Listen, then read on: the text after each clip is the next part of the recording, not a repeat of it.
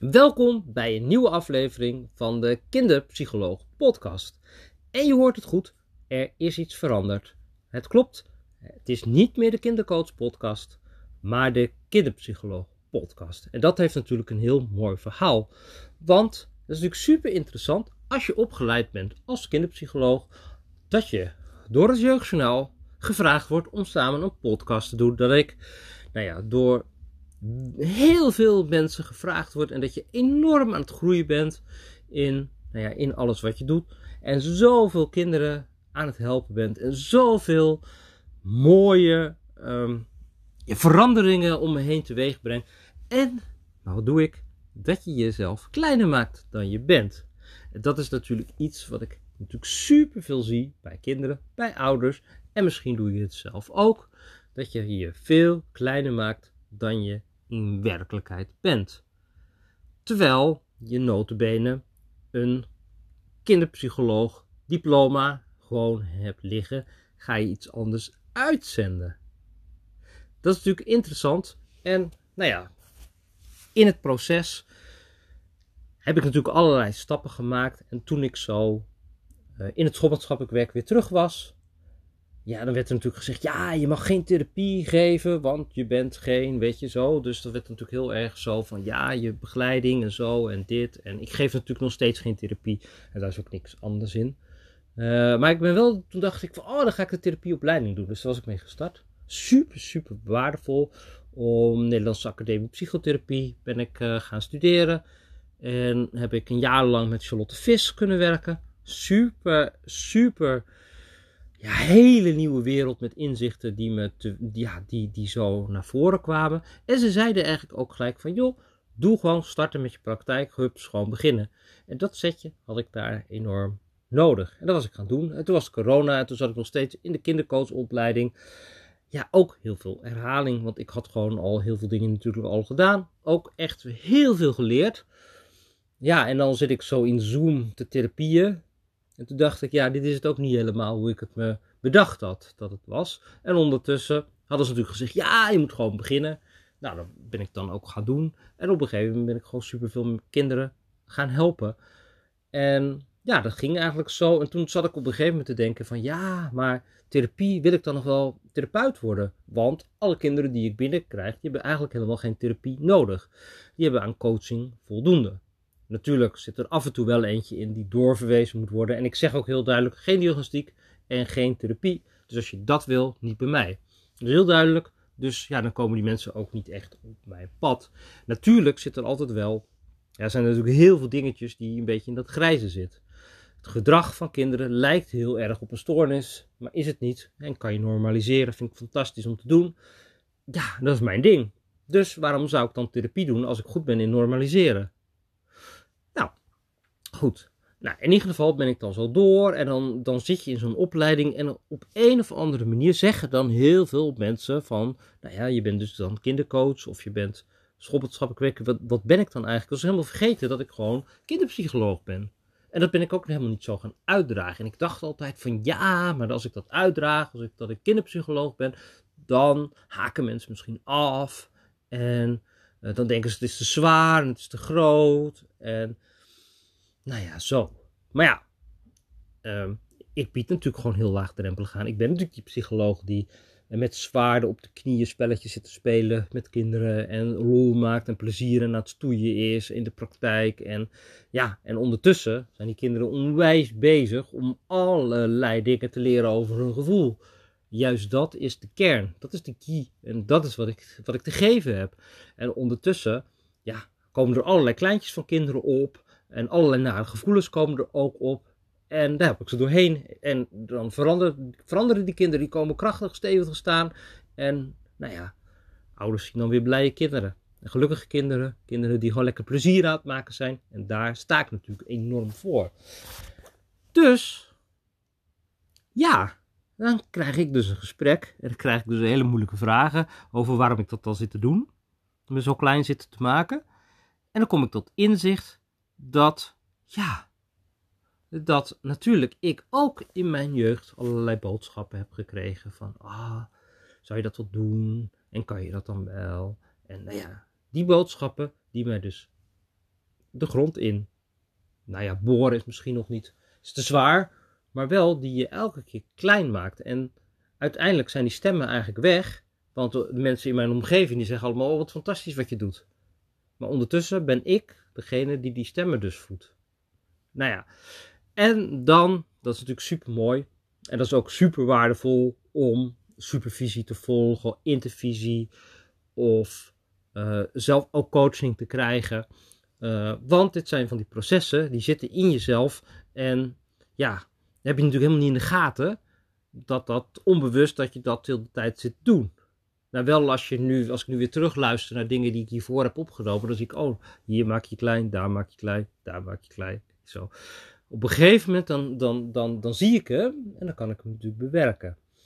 En dat is natuurlijk heel belangrijk. En daar heb ik natuurlijk anderen voor nodig. Want ik zie zelf die blinde vlekken bij mezelf natuurlijk helemaal niet.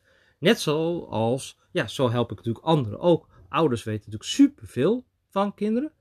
Maar natuurlijk hebben ze een ander nodig om tot nieuwe inzichten te komen. En dat is natuurlijk ook gewoon super, super waardevol om dat zo met elkaar uh, te delen. Maar goed, nu lig ik dus even, zit ik op de stoel en is mijn eigen proces dus leidend. En maak ik mezelf dus kleiner. Je hebt eigenlijk een jas als het ware om die niet meer past. En dan is het ook tijd om die jas uit te doen. En soms is het ook wel met kinderen, kan je die ook echt uitdoen. En dan gaan bedenken van wat past allemaal niet meer. Nou, dan was ik daarna op mijn website aan het kijken. En dan ging ik dus door de ogen van de kinderpsycholoog naar mijn website kijken. En dacht ik, shit. nou ja, shit. Nu moet ik dus heel veel gaan zitten aanpassen, veranderen. En nou ja, ik ben nog wel even zoek mee. Maar aan de andere kant, ja, wordt het ook weer zo helemaal helder weer wie ik ben en wat ik te geven ben. En ja, ik moet ook zeggen, ik ben natuurlijk dat aanbestedingsproces nu aangegaan. En ja, dan ben ik natuurlijk vanuit daar ook zeg, ja, maar je bent kinderpsycholoog.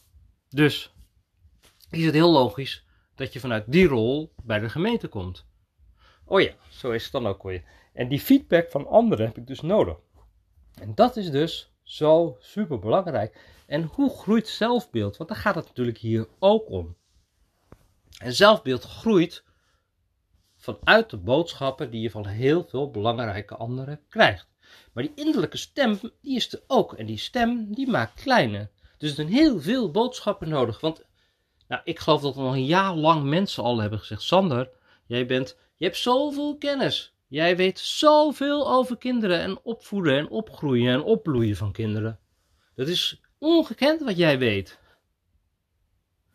Maar, en ik voel dat natuurlijk ook helemaal zo, maar voor mij is dat natuurlijk heel normaal. En ik denk dat al die andere hulpverleners om mij heen dat ook op die manier hebben. En dat is natuurlijk mijn blinde vlek. Want dat is dus helemaal niet zo. Of misschien zijn er natuurlijk ook weer, ja, weet je, zijn heel veel collega's die ik ook fantastisch vind. En die ook weer hele mooie kennis hebben. En ook weer helemaal vanuit hun hart weer op hun eigen wijze helemaal aan de slag gaan. Super fantastisch. Ehm, maar mijn eigen, ja, mijn eigen kennis, mijn ervaring, die 20 jaar die ik meeneem. En ik merk het ook hoor. En nu ik ook veel collega's begeleid stagiaire heb. Ja, dat zijn ook van die spiegels en boodschappen die dus ook weer duidelijker maken van ja, maar dit weet ik allemaal. Het is allemaal zo duidelijk en ja, super waardevol om te delen. En ook super leuk om weer een nieuwe generatie uh, zo helemaal in het werkveld neer te zetten. En dat is natuurlijk super mooi, want dat vind ik natuurlijk ook belangrijk. Want nou ja, ik ben natuurlijk nu nog wel op een leeftijd uh, dat ik nog heel lang doorga. Maar het is natuurlijk ook wel mooi dat ik ook nieuwe collega's in het werkveld, in de zorg, enthousiast kan maken dat die het ook gaan doen. En dat die dan ook ja, van mij kunnen leren. Ik dacht, oh, er komt iemand van mij leren.